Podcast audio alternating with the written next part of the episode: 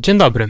Witam ze zboru Kościoła Adwentystów Dnia Siódmego w Podkowie Leśnej na kolejnym studium Pisma Świętego.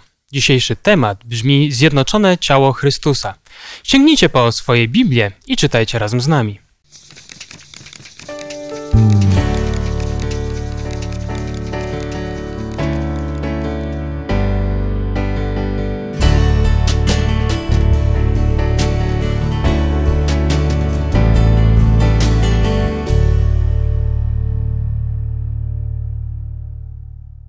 Studiu razem ze mną są Estera, Julian, Błażej. Ja mam na imię Juliusz. Chcielibyśmy rozpocząć modlitwą. Estero, czy mogę Cię poprosić? Kochany Ojcze, dziękujemy z całego serca za to studium biblijne, za to, że możemy studiować jedność w ciele Chrystusa, że Ty, Panie, prowadzisz nas. Proszę, żebyśmy w sposób klarowny mogli przedstawić y, ten cały temat, który będziemy studiować. Żeby ono przyniosło nam błogosławieństwo, jak również słuchaczom. Proszę o to i za wszystko dziękuję w imieniu Pana Jezusa Chrystusa. Amen. Amen.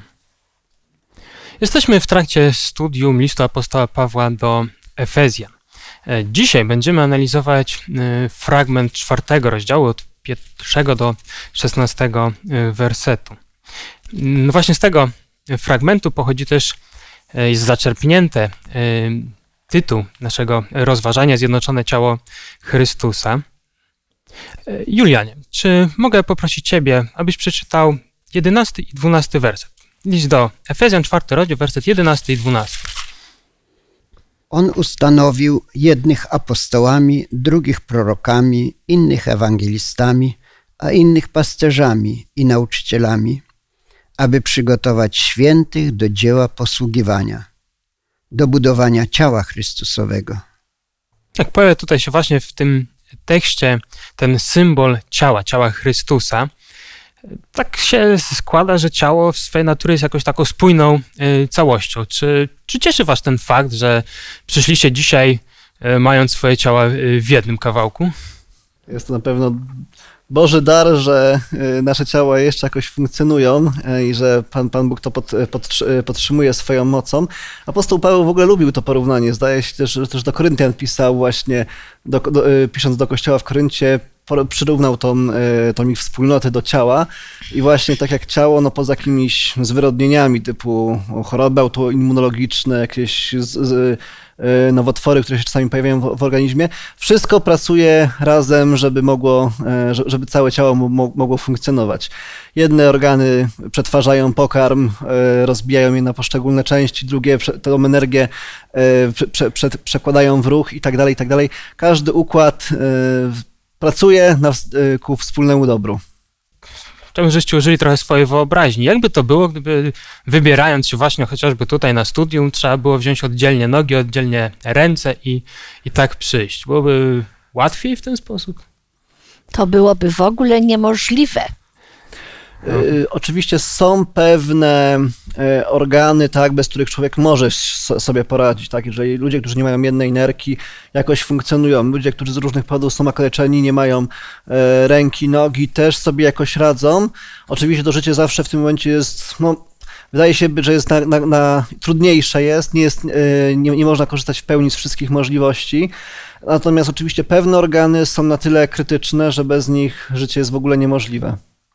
Paweł apostoł specjalnie użył tego porównania, gdy mówi o jedności. Chce pokazać, że tak jak w ciele są różne organy, ale one współpracują ze sobą, tak i w kościele są różni ludzie, różni członkowie, ale wszyscy powinni dążyć do jedności. A co ważne jest, Jezus jest głową i tak naprawdę głowa decyduje o tym, kiedy ma ręka ruszyć, kiedy nogi mają iść. Więc y, jeśli ręka coś zrobi, to nie może druga ręka zarzucać jej, że źle zrobiła, bo to głowa zadecydowała o tym, co robi ręka. Ja myślę, że też Bóg kieruje ludźmi, różnymi urzędami, które są w kościele i dlatego też e, nie obrażać się na to, że ten zrobił tak albo tak, bo tak naprawdę to poddajemy się Chrystusowi, a On kieruje wszystkimi sprawami. Że, troszeczkę wybiegłeś już do przodu, ale jeszcze będziemy też czytać fragmenty, gdzie Paweł o tym pisze. A jeszcze tak właśnie tytułem troszeczkę wstępu chciałbym zauważyć, że w potocznym języku e, niekiedy mówimy ciało e, w odniesieniu do jakiejś grupy ludzi. Przykładowo ciało pedagogiczne, ciało kierownicze, tak, tak. ciało doradcze. Wykonawcze. Co chcemy wyrazić, używając właśnie tej ilustracji? Że to nie jest pojedynczy człowiek, tylko że to jest grupa na przykład ludzi. Że, że mimo, że tam może być wiele składników, wiele elementów, powiedzmy w postaci po, pojedynczych osób, to y, wykonują one jedną funkcję, tak? Z, z zewnętrznego punktu widzenia widzimy, że mają jeden cel i zachowują się jak jedno ciało właśnie. Tak, działają e, wspólnie wykonują jakieś e, określone zadanie. Mimo, mimo, że wewnątrz tej organizacji może być jakiś, jakiś podział ról, e, jakieś uszczegółowienie, to jednak ca, jak, ca, całość jako taka widzimy, że działa, że właśnie działa w tym celu, jaki, jak jest to, jakie jest to określenie tego ciała właśnie, ciało pedagogiczne, ciało doradcze, tak, że doradza, wychowuje, to jest, że to jest to, co robi wspólnie. Mhm to jest taki też dobry wstęp właśnie, choćby to lingwistyczne zrozumienie tego, tego pojęcia, żebyśmy mogli to przełożyć e, na, na ten grunt kościelny, o którym, o którym tutaj wspomina Paweł. A więc zanurzmy się teraz e, w tekst Pisma Świętego. Błażeju, ciebie na początek bym poprosił, żebyś przeczytał, e, przypomnę, list do Efezjan, czwarty rozdział i werset trzeci, pierwszy, drugi i trzeci. Napominam was tedy ja, więzień w Panu, abyście postępowali jak przystoi na powołanie wasze, z wszelką pokorą i łagodnością, z cierpliwością znosząc jedni drugich w miłości, starając się zachować jedność ducha w spójni pokoju od razu mi przyszła taka myśl, co by było, gdyby e, ręka nie tolerowała nogi albo e, oko nie tolerowało e, jakiegoś innego organu, no byłoby to dziwne, niezrozumiałe. Tutaj, tutaj mimo, że właśnie mamy być tym, każdy z osobna jest tym, tą częścią tego ciała, to właśnie ta pokora, łagodność, cierpliwość, znoszenie jedni w drugich miłości wydaje się być niezbędnym, żeby to ciało mogło funkcjonować, bo jeżeli nie będzie łagodności, cierpliwości, to ciało się rozpadnie. Tak, to myślę, że Paweł od razu zanim przeszedł e, do mm, opisywania, czym jest jedność, najpierw wyjaśnił, jaka jest recepta na jedność. Jaka jest metoda na zachowanie jedności. E, I wymienia tutaj te cechy, przypomnij nam Boże jeszcze raz. Pokorę, łagodność, cierpliwość tak. i znoszenie jednych Jakiej sfery dotyczą te, te rzeczy? Mówi się, że ten człowiek jest pokorny. To znaczy, że on jest taki uniżony, taki i w tym słowie za, y, również się y, jest słowo łagodność, bo ten ktoś jakby chce wywyższyć drugie, drugą osobę. Nie myśli y, o sobie. Są osoby, które y, mówiąc coś, robiąc coś, y, cały czas chcą przedstawić swoją własną osobę. A są osoby, przy których my się tak czujemy dobrze, jakbyśmy my byli najważniejsi. Mamy w Biblii tajemnicę e, nieprawości, gdzie, e, gdzie właśnie wpierw szatan, potem ludzie wywyższają siebie, dążą, mają egoistyczne dążenia, E, I właśnie tutaj to, co jest wymienione, to jest wszystko zaprzeczenie egoizmu, tak? Egoizm jest zarówno przeciwieństwem pokory, łagodności, cierpliwości, znoszenia jednych drugich. Jeżeli postępujemy według tych bożych zasad, według wzoru Jezusa, który był właśnie e, taki, który się uniżył, który przedkładał dobro innych nad swoje, to to ciało może się trzymać wtedy. O, proszę, Julianie. Ja myślę o tym, że mamy w Piśmie Świętym wiele zaleceń, moglibyśmy powiedzieć nakazów Bożych czy przykazań, nie tylko dziesięć przykazań, ale wszystko, co jest napisane w Piśmie Świętym, jest ważne i powinniśmy tego przestrzegać. I tu na przykład jest w wierszu trzecim napisane, żeby się starać zachować jedność ducha. Starać się, żeby zachować. I trzeba by to podkreślać w grupach naszych w zborze. Czy się starasz o to, żeby była jedność? Jak się starasz? Czy okazujesz cierpliwość, pokorę, uniżoność? To jest potrzebne, bo właśnie ta jedność jest czymś nadzwyczajnym w świecie, który nas otacza. Gdy ludzie zobaczą taką jedność, uniżoność wszystkich dążących do jedności, to zastanowią się, skąd się to bierze, że to musi być od Boga.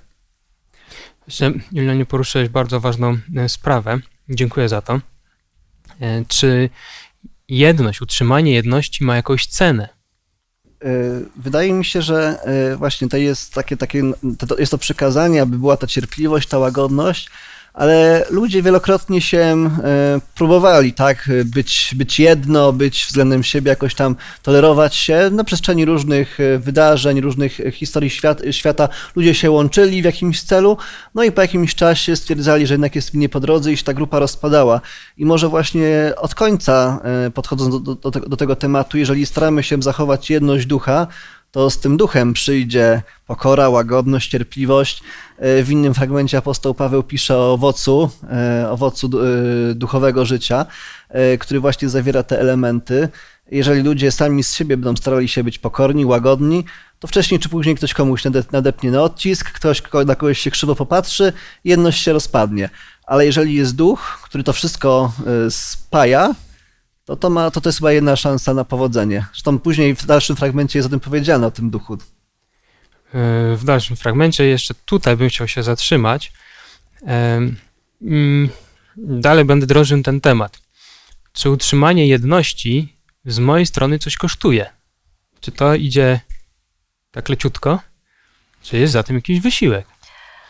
Jeżeli mówimy o jedność w kościele, to co my możemy zrobić? To musimy być w łączności z tym głównym ciałem, czyli z Jezusem. I co nas to kosztuje? Dla nas jest to jedynie plusem, że my chcemy poświęcać czas na studium Biblii, na modlitwę, na to, żeby usłużyć drugiemu, na to, żeby powiedzieć coś dobrego drugiemu.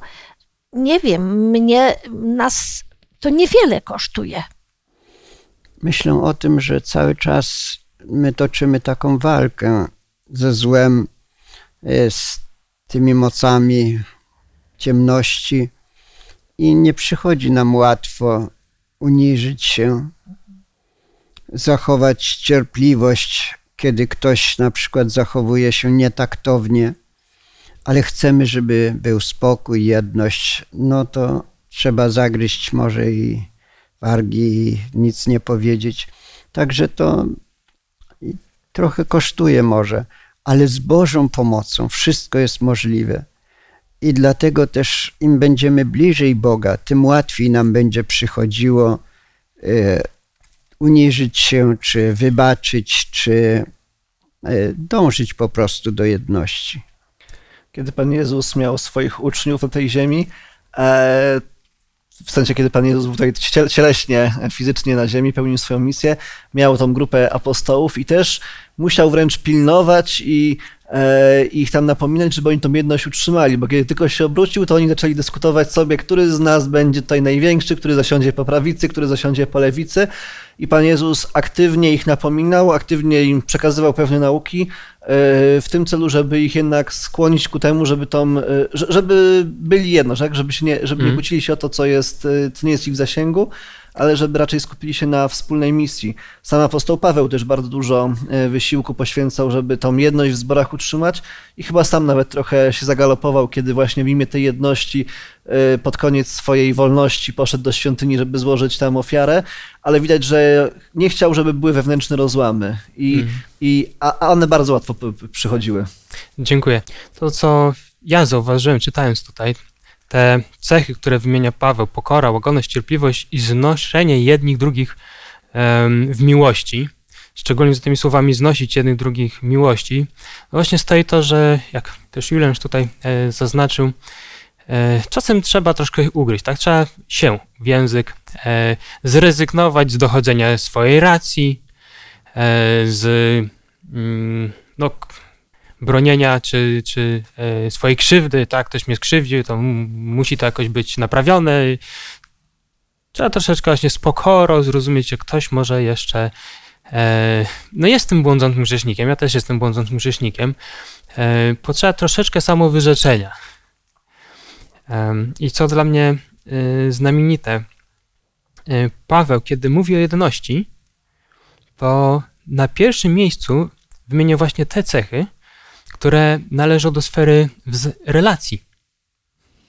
A dopiero później e, wspomniane będą e, pozostałe. Myślę, że to jest chyba też dla nas znaczące.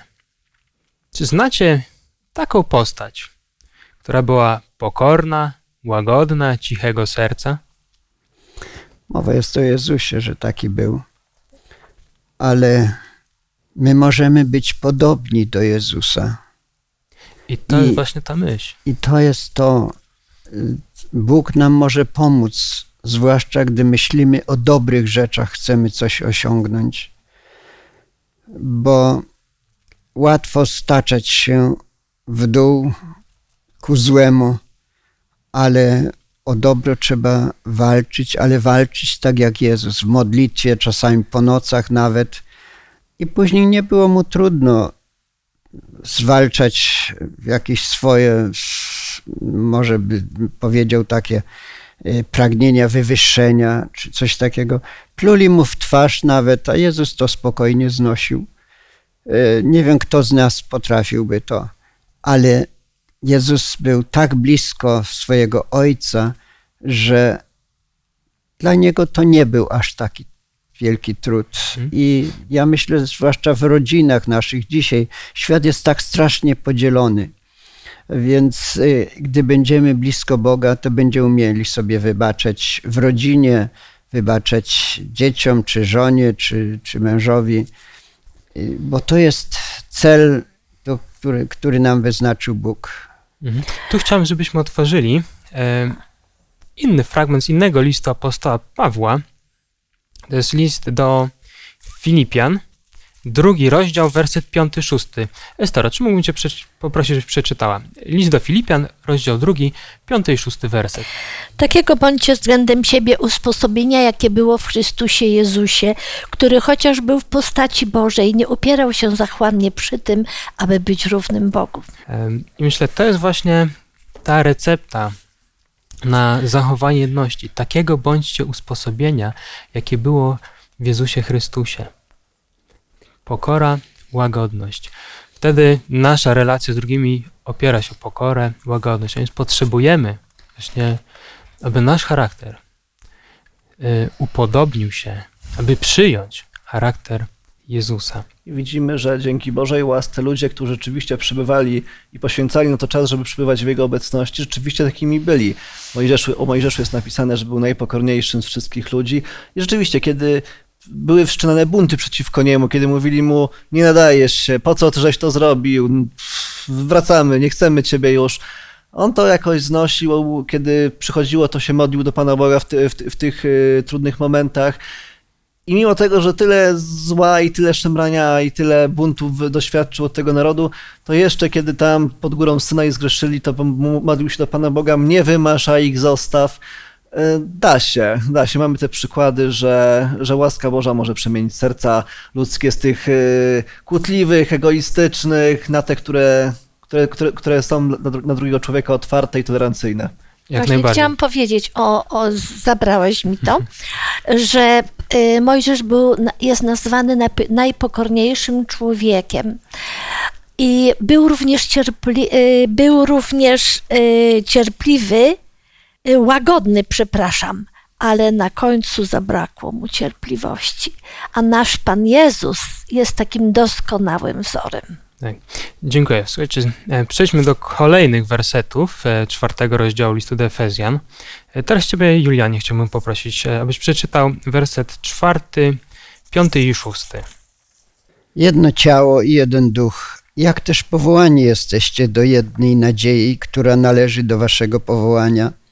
Jeden Pan, jedna wiara, jeden chrzest, jeden Bóg i Ojciec wszystkich, który jest ponad wszystkimi, przez wszystkich i we wszystkich. Dziękuję.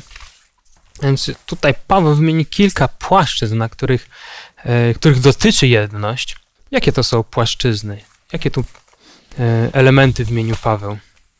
Ludzie są jednoczeni przez różne idee, przez różne cechy. Często się mówi, jesteśmy z jednego narodu, jesteśmy z jednej klasy, z jednego rocznika. To jakoś tam ludzi mniej czy bardziej łączy. Tutaj e, Paweł podaje elementy związane z duchowością, z wiarą w Boga. E, Jedna wiara, jeden chrzest.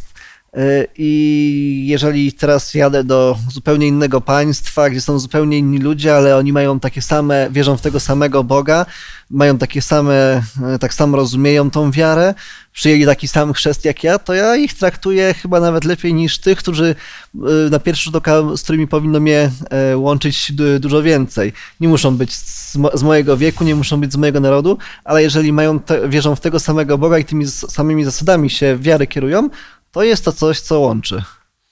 Tu jeszcze kilka innych elementów jest ważnych. Jeden jest Pan, czyli mamy wszyscy jednego Pana.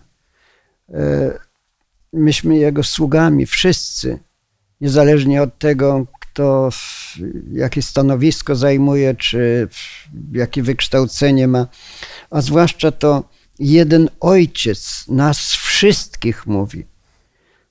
A Jezus powiedział, a przez to wy jesteście braćmi. I dlatego ten Azjata, czy, czy Afrykańczyk, czy ktoś inny, to jest mój brat. I, I tak należy traktować. Nie tylko jakaś tam wielka teologia, ale to pokazuje też, jak to praktycznie powinno wyglądać. Wszystkich trze- trzeba traktować jednakowo. Więc ta jedność może się przejawiać w różny sposób. Y, To znaczy w- różnych sytuacjach. Powinna być ta jedność. Może każdy z tych elementów moglibyśmy chociaż jednym e, zdaniem wytłumaczyć. Wspomniałeś, Julianie, e, o tym, że jest jeden Pan, ale Pan, sługa to jest coś, co na, w naszej kulturze już nie funkcjonuje, więc byś mógł króciutko wytłumaczyć, na czym polega, polega ta relacja, że mówimy o Chrystusie Pan. Y, Tutaj w moim przekładzie Pisma Świętego e, Pan jest użyte z dużej litery i tu rozumiemy, że chodzi o Boga naszego. Mamy jednego Boga, więc y, powinniśmy jednakowo się zachowywać. Tak jak już wspomniałem, to jest nasz ojciec też. Więc Paweł chce podkreślić, popatrzcie na różne rzeczy. Widzicie tę jedność. Mamy jednego Pana, który patrzy na nas, będzie też y, kiedyś sądził i tego sędziego, który tutaj na ziemi może mnie źle chce potraktować, czy mojego szefa, czy ktoś innego. Mamy jednego Pana, który kiedyś rozliczy to wszystko. Ludzie, e, niosąc imiona swoich królów, swoich władców na sztandarach, walczyli ze sobą właśnie w imię tego króla. E, Ale jeżeli mamy tą świadomość, że wszyscy mamy jednego Pana, no to nie będziemy, nie powinniśmy z sobą walczyć. Powinniśmy mieć tą świadomość, że On chce, żebyśmy mieli między sobą pokój, więc ten pokój, jeżeli On jest rzeczywiście naszym Panem, naszym władcą, to ten pokój zgodnie z Jego rozkazem powinniśmy tr- utrzymywać. Mm, I będziemy też wykonywać wolę Pana, bo na tym też polegała ta relacja Pan-sługa. No Prawda? tak, tam c- nasz Pan coś, co, co nieco powiedział, co mamy robić, gdzie mamy iść i co mamy czynić na całym świecie, tak. Jedno ciało. Jednym słowem, jednym zdaniem wytłumaczyć ten, ten symbol. Nie wiem, dlaczego akurat tutaj użył Paweł tego, że jest jedno ciało. Wiadomo, że każdy człowiek ma tylko jedno ciało, ale być może już y, myślał o tym porównaniu y, do Kościoła. Więc jeden jest prawdziwy Kościół. Chodzi o to, że Paweł widzi wszędzie tę jedność. Między innymi w Kościele ona powinna być. Mhm. E, jeden, jeden duch. Co możemy rozumieć pod tym pojęciem? Kiedy ym, to jest, można powiedzieć, że to jest jakby jeden cel. Y, Kiedy Jezus Chrystus y, wstąpił do nieba, powiedział, że ześle ducha. I ten duch napomina każdego z nas, co jest ważne i co jest istotne. I to właśnie ten, y, ten duch jeden jest. Mhm. Tak, dziękuję. Jedna nadzieja. Jedna nadzieja, która nas jednoczy. Ta nadzieja się, zresztą ta nadzieja jest wytłumaczona w tym tekście czwartym. Jedna nadzieja, która należy do waszego powołania i naszym powołaniem jest właśnie o tej nadziei e, mówić o tym, że Jezus przyjdzie, że zaprowadzi wreszcie pokój na tym świecie, że zakończy wielki bój. To jest ten cel, który nas jednoczy. Jeżeli mamy jest wspólny cel, to będziemy działać razem. Punkt w przyszłości, do którego zmierzamy wspólnie razem. Dziękuję. Mówiliśmy już jeden Pan, jedna wiara.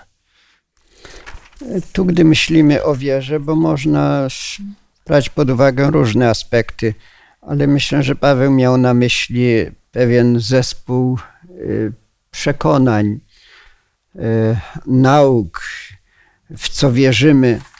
Wiersz 14 mówi, żebyśmy się strzegli, abyśmy nie byli dziećmi miotanymi, unoszonymi lada wiatrem nauki przez oszustwo ludzkie. Czyli żebyśmy trzymali się tej wiary, która została nam podana. Proszę. Mogę jeszcze dołożyć tutaj ym, z listu do Hebrajczyków 11 rozdziału wiersze od 1 do 3. A wiara jest pewnością tego, czego się spodziewamy, przeświadczeniem o tym, czego nie widzimy. Wszak jej zawdzięczają przodkowie chlubne świadectwo. Przez wiarę poznajemy, że światy zostały ukształtowane słowem Boga, tak iż to, co widzialne, nie powstało ze świata zjawisk. Mm, Tak, dziękuję. Nie są to jedyne fragmenty. Też tutaj w liście do Efezjan 4, rozdział 13 werset łączy wiarę i poznanie w jednym. Także jedna, jedna nauka zaczerpnięta ze Słowa Bożego jest też tym, co jak oczywiście e, jednoczy e, Kościół. Idąc e, dalej, została jeszcze nam jeden chrzest. Może, może sam powiem swoją refleksję. Podejrzewam, że niektórzy już wtedy zaczęli uważać, że zależy od tego, kto ich ochrzcił, to to jest jakieś bardziej nobilitujące. Jeżeli taki ważny apostoł ich ochrzcił, to jest taki lepszy chrzest i my wtedy jesteśmy Pawłowi, a tamci są Apollosowi, tak nawiązując do listu do, do Koryntian. Paweł jednak mówi jeden chrzest. Do, chrzest był przyłączeniem do wspólnoty. Mm, Różnicowanie się na jakieś ugrupowania, że my jesteśmy tu Augustianie, to są Franciszkani i będziemy jeszcze dochodzić do tego, kto jest e, lepszy. Jedyny chrzest, jaki Pismo Święte e, akceptuje i poleca, to jest e, chrzest przez zanurzenie, którym również był ochrzczony Jezus Chrystus w rzece Jordan. E, Chrzest dorosłych, osoby y, dorosłe są chrzczone, kiedy rozumieją tą wiarę, tą drogę, którą chcą kroczyć i to jest ten, ten Boży chrzest. Ja niedawno rozmawiałem z, z jedną osobą. E, On mówi, że on już został ochrzczony. A ja mówię, że nie zostałeś ochrzczony. Jak to nie? Zostałem ochrzczony. Tam zaczął tłumaczyć. Ja mówię, słowo chrzest znaczy zanurzyć. Ochrzcić to znaczy zanurzyć. Czy byłeś zanurzony? No nie, no tam pokropili. No to ty nie byłeś ochrzczony. Więc chodzi o to, że można używać różnych określeń, że coś jest czymś, ale faktycznie nie jest tym. Więc chrzest jest jeden prawdziwy. Mhm. I to chyba to chciał podkreślić apostoł Paweł. Więc czytajmy dalej. E, List do Efezjan. Chyba zatoczyliśmy kółko. Teraz Błażej Ciebie poproszę, byś odczytał siódmy werset oraz dziesiąty i jedenasty. a każdemu z nas dana została łaska według miary daru Chrystusowego.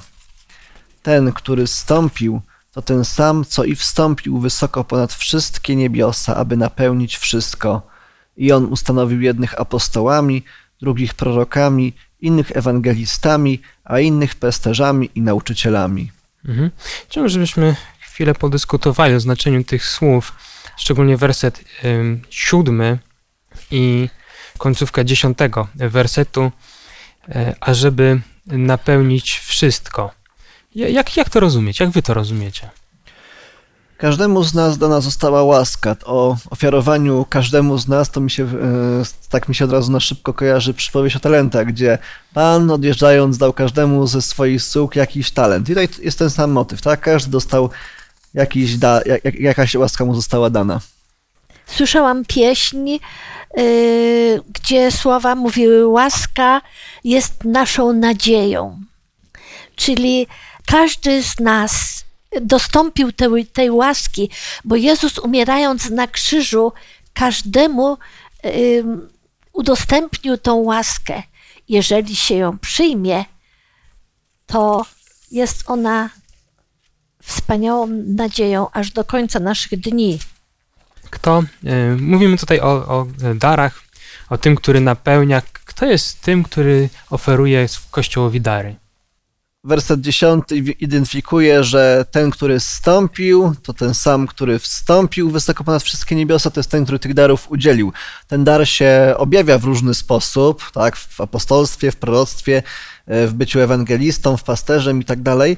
E, natomiast jest jeden, który te wszystkie dary daje. I w sumie to jest też taka, taki aspekt jedności. Tak? Wszyscy jesteśmy zależni od tej, od tej samej osoby, wszyscy od niego czerpiemy a tym, który te, e, te dary daje, no jest, jak rozumiem z tego fragmentu, Jezus Chrystus. Mhm. I to kolejny raz warto podkreślić, e, Jezus Chrystus udziela mm, darów Kościołowi, a te dary czemu mają służyć?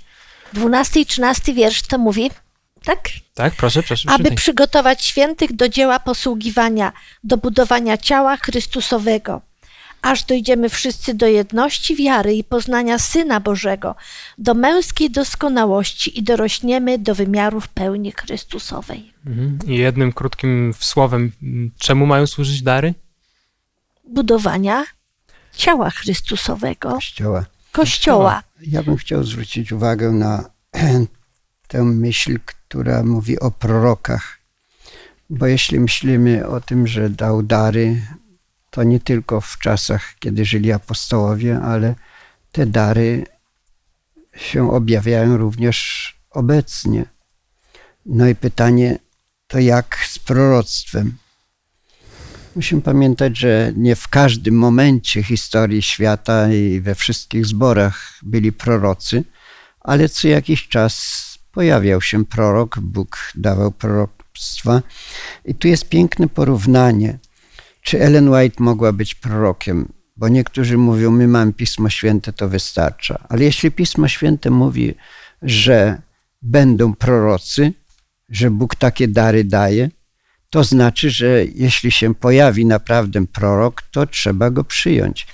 I pierwsi pionierzy nasi podawali taki przykład, że kapitan ma płynąć gdzieś tam i otrzymuje instrukcję, że gdy będzie wjeżdżał do portu, to tam e, wyjdzie pilot, który dalej poprowadzi ten statek. Mówi, takim pilotem to była Ellen White. Instrukcja była, że pojawi się taki prorok i on dalej będzie prowadził e, swój kościół. Więc e, kto pełni wolę Bożą, czy jest posłuszny instrukcji? Ten, który zaakceptuje to, że się pojawi prorok, czy ten, który nie akceptuje? Odpowiedź jest jasna. Ten, który akceptuje, bo tak zapowiedziało proroctwo, takie instrukcje dało. E, Paweł w pierwszym liście do Koryntian w 13 rozdziale, pisząc o miłości, mówi, że cząstkowe jest nasze prorokowanie, lecz gdy nastanie doskonałość, to, to co cząstkowe przeminie. Nawet z tego fragmentu widzimy, że ustanie proroc, ustanie pewnego, pe, pewnych rzeczy będzie dopiero, kiedy nie będzie to potrzebne, kiedy już znajdziemy się w Królestwie Bożym. Do tego czasu byłoby nierozsądne zakładać, że Pan Bóg za, zabrał, dar, e, zabrał dar prorokowania. E, dziękuję, dziękuję. E, czy znacie w Piśmie Świętym przykłady, kiedy prawdziwych proroków Pana nazywano fałszywymi? Pierwsza Królewska, rozdział 22, werset 24. Wtedy przystąpił Sedekiasz, synka e, Kenana i uderzył Michasza w policzek, mówiąc, jak to? Więc duch Pana odszedł ode mnie, aby mówić przez ciebie, a Michał rzekł, przekonasz się o tym w dniu, kiedy będziesz biegał z izby do izby, aby się ukryć. Prorok, który e, prorokował, jak będzie rzeczywiście, że król e, Achab poniesie klęskę, został nazwany fałszywym prorokiem przez innego rzekomego proroka. Tak, podobnego doświadczył E, prorok Jeremiasz e, w księdze Jeremiasza 43, drugi werset czytamy, e, kiedy na zresztą prośbę ludu odniósł im odpowiedź Pana Boga, oni mu odpowiadają, nie posłał cię Pan. Do Pana Jezusa mówiono, że ma Belzebuba. Zdarzało się, że prawdziwych proroków nazywano fałszywymi.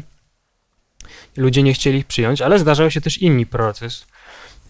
Jakiś czas temu spotkałem ludzi, którzy mówili mi, że mają taki kościół domowy i mają proroków, którzy prorokują, ale no czasem się, czasem to się nie spełni, ale oni się rozwijają.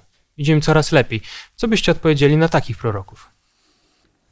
Prorok Boży zawsze mówi prawdy. Mamy też takie trochę zrozumienie proroków z czasów testamentowych, proroków, którzy przepowiadają przyszłość, Paweł w, w liście do Koryntian, e, w pierwszym liście do Koryntian 14 rozdziale troszeczkę to rozszerza, troszeczkę, e, troszeczkę zmienia definicję proroków. 1 Koryntian 14 od wersetu 29. A co do proroków, to niech mówią dwaj albo trzej, a, in, a inni niech osądzają. Lecz jeśli by ktoś z innych siedzących otrzymał objawienie, pierwszy niech milczy. Możecie bowiem kolejno wszyscy prorokować, aby się wszyscy czegoś nauczyli i wszyscy zachęty doznali. Tutaj trochę Paweł zmienia definicję prorokowania, nie będzie, nie, może nie, nie, jest czas, żeby to, żeby to rozwijać, natomiast wszystko musi być poddane e, Panu Bogu. Jeżeli rzeczywiście ktoś ma jakieś myśli, jakieś e, słowa, które są inspirowane przez Ducha Świętego, nie, muszą, nie musi to być od razu e, przepowiadanie przyszłości, ale jeżeli ma jakieś słowa, które mają kogoś napomnieć, które mają kogoś wzmocnić, to musi być to wypływać z Ducha Świętego. Bóg cały czas dbał o swój kościół przez całą e, historię od stworzenia. Posyłał właśnie proroków, posyłał e, różne osoby. Przecież e, i Debora była prorokinią, gdzie pomagali e, w prowadzeniu je Bożego ludu do e, we właściwym kierunku, żeby ten Boży lud szedł.